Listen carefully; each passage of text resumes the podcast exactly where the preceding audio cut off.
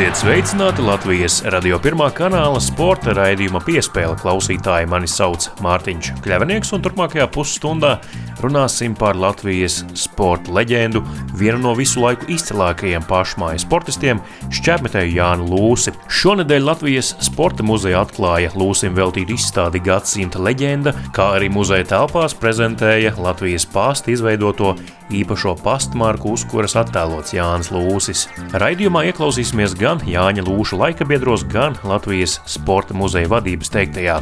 Savukārt raidījuma otrajā daļā saruna ar boksera Maira Brieža menedžeri Raimondu Zepu par Maira nākamo cīņu, kas gaidāma jau 16. oktobrī arēnā Rīga pret vācieti Arturu Mannu. Bet tas viss jau pēc pavisam īsa brīža.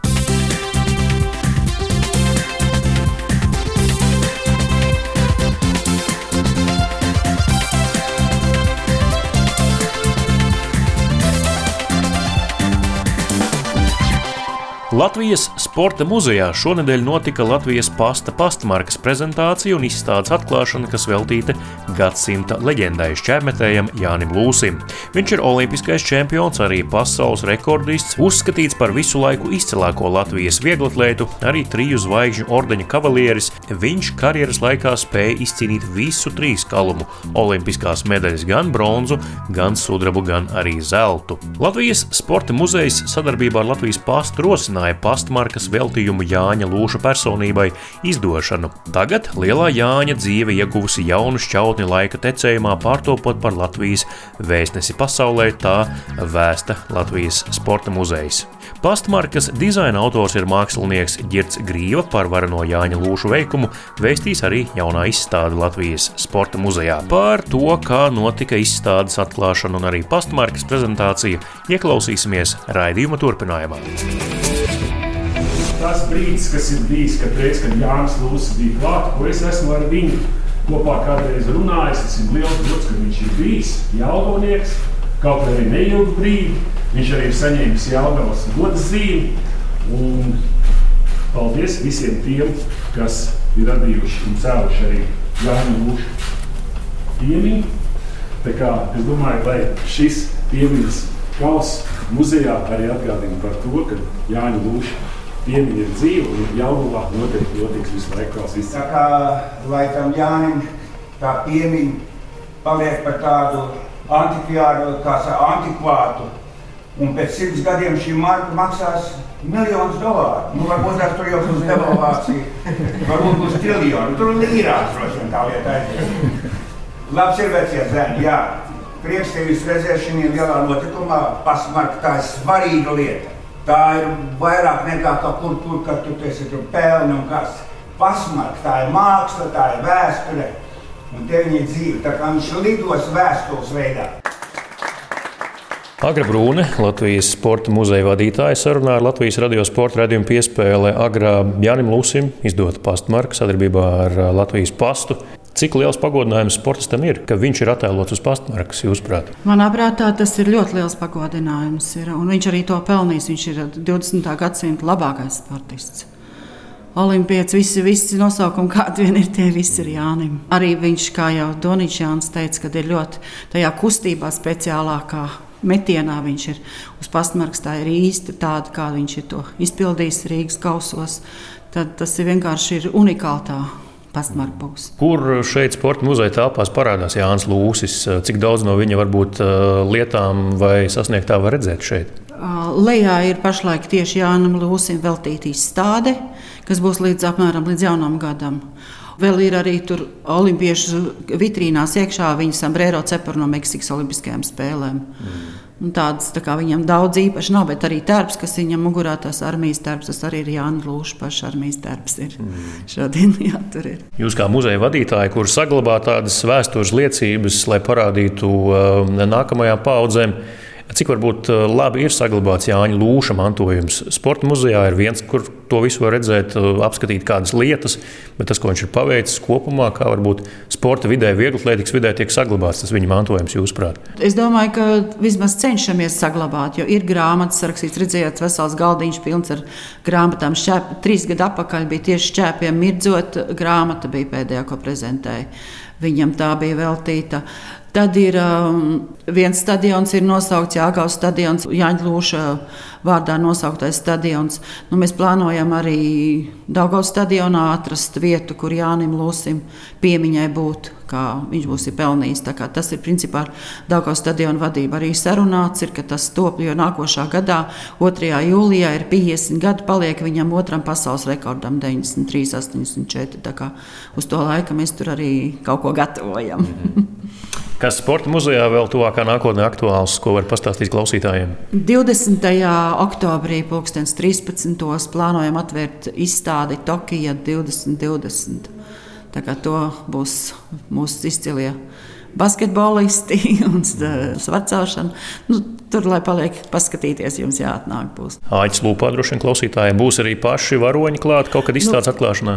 Centīsimies dabūt, pašlaik jau grūti pateikt, jo ir ļoti daudz spēles. Viņi brauc uz spēlēm visi projām. Atlikām, atlikām, nu cerēsim, ka kāds no medaļniekiem arī būs šeit. Tad gaidām jaunu izstādi, skatāmies uh, Jāņa Lūša piemiņas lietas šeit uh, Sporta muzejā un uh, nākam apmeklējam un skatāmies. Paldies, Mīļš! Tie, kas skrien, tie arī ātrāk tiek pēc tam pa karjeras kāpnēm uz augšu. Tā kā ir jāskrien.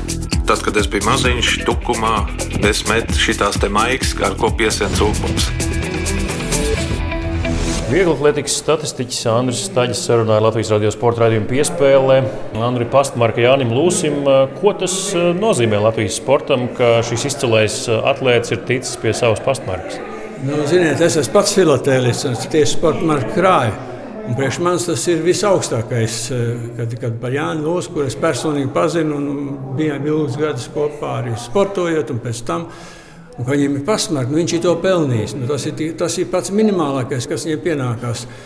Vēl vajadzētu pieminiektu, vai piemiņas sacensības ir, bet nu, katrā gadījumā pasmērts tas ir ļoti augsts novērtējums. Jo viņi varēja būt lētāki. Ja viņi būtu lētāki, tad viņi vairāk publicē. Tagad eh, es jau saprotu, ka šī marka un arī aploksne būs deficīts. Jau tagad jau man saka, ka man arī šeit nedēva tikai es gribēju, bet man iedeva tikai divas komplektus. Nu, bet, uh, Jo ne jau es, man jau ir draugi, kuriem es pārsūtu. Nu, mēs krājam, es krāju sporta markas no Latvijas, nu, no Eiropas valstīm. Jānis Lūša, es jau lejā minēju, ka es vienu marku es redzēju savām acīm malī, kad, kur viņš, kur viņš met savā klasiskā stilā. Āfrikas valsts malī izdod Jānis Mūsimarku. Tagad beidzot Latvija izdeva Jānis Mūsimarku. Jūs minējāt par to fotografiju, kas ir šīs markas Jānis Jā. Lūsas metienā. Cik unikāls ir tas kadrs? Tas ir Rīgas kausi. Pēc to es atpazinu pēc lieliem numuriem. Tā toreiz bija man pašam tās liels numurs. Un var redzēt, fonā Daugos stadionu, veco Daugos stadionu. Tur bija tādas uh, relīzes. Es nogāju lejā, pasties bildes vēl. Tur tieši varētu to stadionu redzēt. Nu, kad Jānis Lūsis meta, tas bija neaizmirstams skats. Vēl tagad, kad es skatos kaut kādas bildes, es pat neesmu ievērojis, eh, kas tur met. Bet kā es redzu viņa klasisko uzlūkto loku, es zinu, tas Jānis Lūsis met. Tur, kur viņa bija tā klasika, tas nozīmē, ka tas īsti. Tas patiesā Jānis Lūsis tehnika. Kāpēc viņš meta 90 metriem pāri tajā laikā? Nu, tagad arī met. Jānis Lūsis, Jānis Lūsis. To viņš ir pelnījis bija un, un, paliks viņam mūžs mūžos tagad. Filatēlists cīnīsies par šo te marku. Stadions jau ir. Stadions, jā, tas ir ļoti labi, ka stadions ir. Viņa vārdā vēl vajadzētu. Nu, jā, sacensības arī šķērpmetē, lai jānolūš piemiņas kausu. Man tikai žēl, ka, ka nav Ines Jaunzems. Arī bija no sākuma bija Ines Jaunzems, olimpiskā čempiona Ines Jaunzems, Jāņa Lūša kausu sacensības. Mm. Nu, Jaunīgi pārņēma, Ines Jaunzēma aizgāja, palika Jānis Lūsis. Bet nu, Ines arī vajadzētu pieminēt, jo viņa bija pirmā olimpiskā čempiona un, un, un ar viņu sākās Latvijas šķērpmešanas. Ja neskaitām pirmskara gada jūrģi, ja neskaitām kara gada stenzenieki, mm. pēc tam nāca jau Jaunzēma. Tad nāca Jānis Lūsis, nāca Zvaniņš. Un... Tad nāca Jānis Zvaniņš. Paldies, Taģi kungs. Un mēs varbūt varam tā ātri pievērsties arī Doniņa kungam uz mazu sarunu. Teicāt uzrunu šeit, kad tika priekšstādīta jaunā pastmarka un visu to ieraudzīja. Stāstījāt arī jau dažu labu atmiņu par Jāni. Kāds bija Jānis ikdienā? Jūs teicāt, ka ļoti vienkāršs cilvēks. Mēs pavadījām laiku Tas ir sporta zāle. Ja? Un tāda, kas sakot, eh, tāda sajiešanās Mums jau ārkārtīgi reti reizi. Tas bija vienkārši sporta zāle un treniņu nometnēs kaut kur dienvidos un tā. Jo mums ir septiņi gadi starpība. Savā ziņā man jau laimējās. Es tieši noķēru to veco gvardi, valodu un manieres un pieeja tam sportam, nu, bet pilnīgi. Tas ir, kas sakot, sports, tā bija aizraušanās, tā bija, tā bija mīlestība. Tas bija, a, ko citu tur var darīt, kad tu esi jauns? Nu, ko citu labāk var darīt? Nekā nodarboties ar sportu, paceļot pa pasauli, iepazīties ar sevi, jo haidī. Jā, izbaudīt citas, kā sakot, tādas dzīvošanas dimensijas. Sports. Nu jā, tā ir jaunība un sasniegums, un arī bija arī tā kvalitāte. Tomēr vajadzēja net skaisti arī. Tagad vienalga, kā tu met, tikai aizmet tālāk. Tas tāds novērojams, kaut gan tas ir kaut subjektīvi, bet nu, redz, tā, Toreiz jau varēja metēt, ak, kungs, kādas tur bija kustības, var redzēt vēsturē, tur augstslēgšana un kas tur. Un sports ir lielākais biznesa pasaulē. Nevis Apple vai Google. Nē, sports. Viņi kaut kur var sacensties ar reliģiju. Tas arī ir biznesa. Jā, bet nu, sports ir tā jaunības reliģija. Tāpēc jau grieķi bija gudri. Viņi izdomāja pēc kā spēles, ka tu vari izkarot savas lielās kaujas stadionā. Ar Jānu Lūsu turpinot, ar ko viņš bija fiziski unikāls. Zini, ko viņš vienkārši sevi attīstīja. Tas bija tāds zēns, un tu saki tāds, o tā parasti saka, lauku zēns. Bet viņš vienkārši mīlēja to lietu, un viņam tā pielipa, un tā, tā bija viņa reliģija gandrīz vai. Viņš viņu attīstīja, kā jau pieminēju. Viņš attīstīja no visiem kopā, uzsūcot kādu informāciju, kas tikai viņam derēja. Un viņš arī pēc dabas bija vaidenījās. Viņš ļoti labi sāka kā lekšanā, tālrekšanā. Tas ir brīnišķīgi. Tieši ķēpmešanā, visās mešanās disciplinās, kājas. Apakaļ. Tas ir 75%. Tas ir vissvarīgākā vieta. No turienes viss tā lieta sākās. Nē, kā teica tas džeks, ja man būtu ko atspērties, es visu zemeslodu paceltu. Nu, jā. nu, tas ir te, te, te, parastā treniņa, kā sakot, metode. Nu, redz, Jānis, jā, nu, viņš klusi un mierīgs čels. Viņš ir dzīvojis savā pasaulē, ļoti strādīgs, cītīgs, ļoti cītīgs. Un viņam arī ķermenis bija tāds pateicīgs, viņš arī uzņēma to visu tās. Viņam tur nebija sevišķi daudz traumas, jo parasti viegli mešana tur jau tā, zin, tās traumas. Nu, viņas vienkārši tur tā gadās. Kad prāts vēlās vairāk nekā ķermenis. Viņam bija ļoti laba saskaņa. Viņš sevi labi jūta. Un kas to varētu iedomāties? Tāds, kā man tie stāsta, acu liecinieki, kas izauga kopā, viņi, ka viņam bija 17, 18 gadi. Un kas, kas viņš palika zem pēc 15 gadiem? Nu, tas ir treniņš. Kā viņš man uzrakstīja, es biju 7. klasē, Jēkabīlī. Un tāda bilde man uzzina Rīgas balsī. Savu smuko to jauno bildi sīkā, tie īsie matiņi, tas čels. Galvenais darbs. Jūsu savstarpējā sāncensība, cik jums pašam tas uh, deva daudz, uh, ka gribējās dzīties pakaļ Jānim Lūsim un apsteigt viņu pārspēt? Ja, mēs par to runājām, tā dīvaini, ja? Man viņš nekad nelikās, ka es uh, sacenšos ar viņu. Mana galvenā sacensība bija pašam ar sevi. Man tiešām bija tāds egoists. Man vienkārši neinteresē pretinieki. Man interesē tikai, ka es aizmetu tālāk. Un vēl tālāk. Un zinat ko? Jā, es gribēju izmest ārā to šķērnu no stadiona. Man bija tādas ambīcijas. un es biju ļoti tuvu tam. Pastmarks ir jūsu somā? Marks un, un viss tā konverts ir manā somā. Un, Ko darīsiet? Kur liksiet? Nu kā, nu mēs sūtīsim tiem, kas Jānis Lūsis atcerās, kas ir tuvi cilvēki. Kā sakot, mums šķēpmešana tomēr tā, mūsu laika to bija, tā bija tā kā ģimene. Un to varētu teikt internacionāli. Nu. Kaut vai tāds fakts kā uh, Wolframans, mazajam Voldemāram, var arī tā kā krustēvs. Jo tikai pateicoties Wolframanam, tā kā viņi bija tajā Rietumvācijā, Voldemārs vispār parādījās pasaulē. Jo tur bija maza ķibele ar Elviju. Es te teikšu, tā šodien, ja, tā ir visbrīnišķīgākā diena. Tā ir visforšākā diena man, manā dzīvē. Redz, tā es dzīvoju sportiski. Man tas ir sports. Ja es to nedzīvoju tik labi, tad. Nu, sūdīga diena. Lai noslēgtu uz pozitīvas nots, būs kaut kad, kad nāks labie laiki Latvijas šķēpšana atpakaļ, jo tagad ir tā bedra kritums. Atkal. Nē, nē nu tas ir kā jau viss dabā, pa viļņiem, visi cikli, viss mainās tur, vai dienās bija ledus laikmets. Nu, pagaidīsim. Ledus laikmets tas bija tikai 10 000 gadi. Nu, tur būs ātrāk šķēpšanā atgriešanās. Tas bija interesanti atvērt šīs durvis pēc 40 gadu pārtraukuma. Mums ir tā, ka sevi nedaudz jāizcīna un jāpārvar, jāizkāpj no tās komforta zonas, jo nevar jau visu laiku dzīvot komforta zonā. Jūs klausāties Latvijas radio pirmā kanāla sporta raidījumu piespēle studijā Mārtiņš Kļavinieks.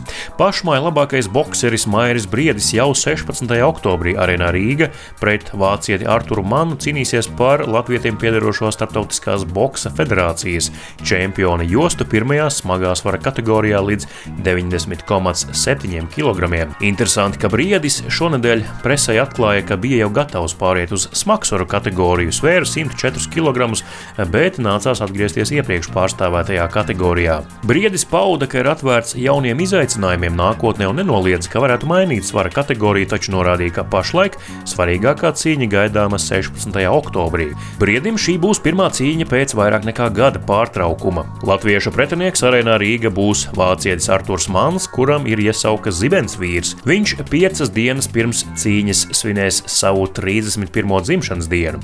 Profesionālajā boxā Mans ir kopš 2015. gada, un šajā laikā 18 cīņās uzvarējis 17 reižu, 9 no tām ar nokautu. Briedis pagājušajā gadā septembra beigās Minhenē pasaules boksa supersērijas finālcīņā uzvarēja kubieti Junielu Dortikos un ieguva Muhameda Ali trofeju, IBF čempionu jostu, kas tagad būs jāizstāv, un arī žurnāla The Ring jostu. Sākotnēji bija plānots, ka brieža nākamais pretinieks būs Mihails Česlaks, taču viņa pārstāvi nespēja vienoties par to, kādi būs cīņas noteikumi. Līdz ar to gan visa boxera komanda, gan arī viņš pats tika diskvalificēti no iespējas piedalīties cīņā par šo konkrēto IBF jostu. Kādu iespaidu uz Maira atstājis pandēmijas laiks un vēl daudzām citām niansēm sarunājos ar Maira brieža menedžeri Raimondu Zepu.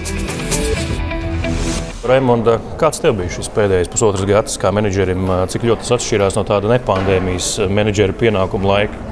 Nu, ļoti atšķirās nervos. Jāsaka, ir tās iespējas ir stipri ierobežotas. To ļoti labi redzēt. Principā elites boxers šobrīd ja ierasta aizvadība pa divām, trijām cīņām gadā, tad šobrīd ir limitēta līdz ideālā gadījumā vienai cīņai gadā. Tas, protams, maina visu. Tas maina iespēju skaitu, tas maina iespējamos scenārijus tālāk domājot uz priekšu, kas varētu sekot jau pēc tiksim, nākamās cīņas, jau aiznākamajā. Tā kā tā domāšana, plānošana, viss ir principā kājām gaisā un, un realitātē arī tas aizstāvēšanas process, kas mērim bija jāveic pret obligāto pretendentu Česlaku no Polijas, arī izvērtās ļoti haotisks un principā jāsaka, ir mēs ap, aptuveni Pusgads varbūt būtu pārspīlēts, bet 3-4 eh, mēnešus mēs pazaudējām, eh, vedot sarunas ar komandu, kurā ir juridisks strīds un eh, kur gluži vienkārši nav gatava vienoties ar otru pusi un nav gatava nonākt līdz kaut kādam loģiskam iznākumam. Var teikt, ka šis laiks ir nojaucis tās nu, teiksim, robežas vai tos kanonus, kas bija pirms pandēmijas laikā, ka varbūt tās sarunas ir citādas, procesi ir citādi un nu, jāraksta jauna grāmata vai rokas grāmata. Jā, pirms tam bija visai, jāsaka, vis tādās ierastās sliedēs. Bija zināms, kas notiek, kurā brīdī, gada pārskatā. Bija apmēram zināms, kas kurā divīzijā notiek, attiecīgi svaru divīzijā, kāda boxeri cīnās savā starpā, kas varētu būt tās nākotnes potenciālās cīņas. Tagad tas viss sāks no nulles. Ja gada atpakaļ pirmais jautājums bija, kur vispār ir iespējams norganizēt cīņu, kur ir kādi ierobežojumi. Tad tagad varbūt par ierobežojumiem runā mazāk, tagad runā par nu, saprotamu ienākumu kritumu un cik tas ir bijis liels vai mazs, lai vispār šādu cīņu loģiski varētu noturēt starp jebkādiem diviem pretiniekiem. Un, nu, principā tās sarunas ir tādas vairāk ar nezināmo attiecīgi vēršoties uh, pie vieniem vai pie otriem, tā skaitā arī pie pašām boxa uh, federācijām, kas ir šajā gadījumā Maija gadījumā IBF. Uh, Starptautiskā boxa federācijas arī viņiem ir vairāk jautājumu nekā atbildes. Tas protams, apgrūtina visu to procesu. Tā kopumā honorāra apjoms arī ir krities ģenerāla boxā kā tādā. Ievērojami, ļoti ievērojami. Jā. Nu, jāņem vērā, boxam tā tad ir bijuši līdz šim izteikti trīs peļņas avoti. Tātad uh, numur viens tas ir uh, TV tiesību pārdošana. Uh, numur, un tad nav svarīgi, vai tas tiek pārdots televīzijā vai tas tiek pārdots ar pay-per-view. Uh, katras cīņas atsevišķām iegādēm jau no patērētāja puses. Vai, tad otrs ienākuma avots vienmēr ir bijusi arēna, un trešais ir bijuši iespējami sponsorship, kas sponsorējami konkrētām sacensībām, nu, konkrētiem notikumiem vai, vai bokseriem kā tādiem. Visos trijos ir vērojams ievērojams kritums, un attiecīgi arī, protams, ka cieši bokseru honorāri. Pavērt drusku priekškaru uz tām sarunām ar Česlaka komandu? Nu, tu jau minēji, ka tās bija pietiekami grūtas. Vispār bija brīdis, kad jūs bijāt tuvu risinājumam un fināla iznākumam, vai tomēr tas bija ļoti tālu no tādas reālas cīņas? Realtātē mēs kādas trīs, četras reizes bijām pilnībā vienojušies. Tādēļ arī tās sarunas es sauktu par neloģiskām, nesaprotamām un ļoti sarežģītām. Jo panākot vienošanos abām pusēm. Tad, laikam, varbūt jāatgriežas nedaudz tādā pagātnē. Viss sākās ar viņu publisko izteicienu, ka viņi ir gatavi māju uzņemt pie sevis Polijā, viņi ir gatavi par to mairim samaksāt konkrētu summu. Tā bija tā mūsu izējas pozīcija sarunu uzsākšanai. Tad, kad realitātē atnāca no viņiem pirmais oficiālais piedāvājums, tas bija desmit reizes zemāks. To mēs pat neuztvērām īsti nopietni. No otras puses, protams, viņš bija nozīmēts kā IBF obligātais pretendents, par kuru cīņu bija jāizved. Pretējā gadījumā no jostas gluži vienkārši būtu jāatsakās. Bija jāvienojas. Jā, un, un tad ir divas puses, ar kurām var vienoties. No nu, tāda viena puse ir mūsu puse, kur var piedāvāt konkrēti poļiem kaut ko, vai poļi var piedāvāt mums kaut ko. Visu laiku bija no viņiem spiediens, ka viņi viņi vēlas šo cīņu norganizēt Polijā. Viņi redz, ka tā varētu būt uh, kā liels pasākums. Mēs pie tā pieturējāmies, mēs bijām gatavi braukt uz Poliju. Un, un tad sarunu gaitā mēs nonācām līdz vienai vienošanās. Uh, nu, principā panācām vienošanos. Mm. Tas uh, beidzās ar to, ka divas dienas vēlāk, tā vietā, lai atsūtītu līgumu, mums atnāca kaut kādas jaunas idejas no viņa puses, jaunu komentāru turpinājām. Vēlreiz tas pats notika, pēc tam vēlreiz tas pats notika. Kamēr uh, beigās uh, viņi IBF uh, paziņoja, ka viņi vispār grib iet uz cīņas izsoli, kas ir boxā ierasta procedūra.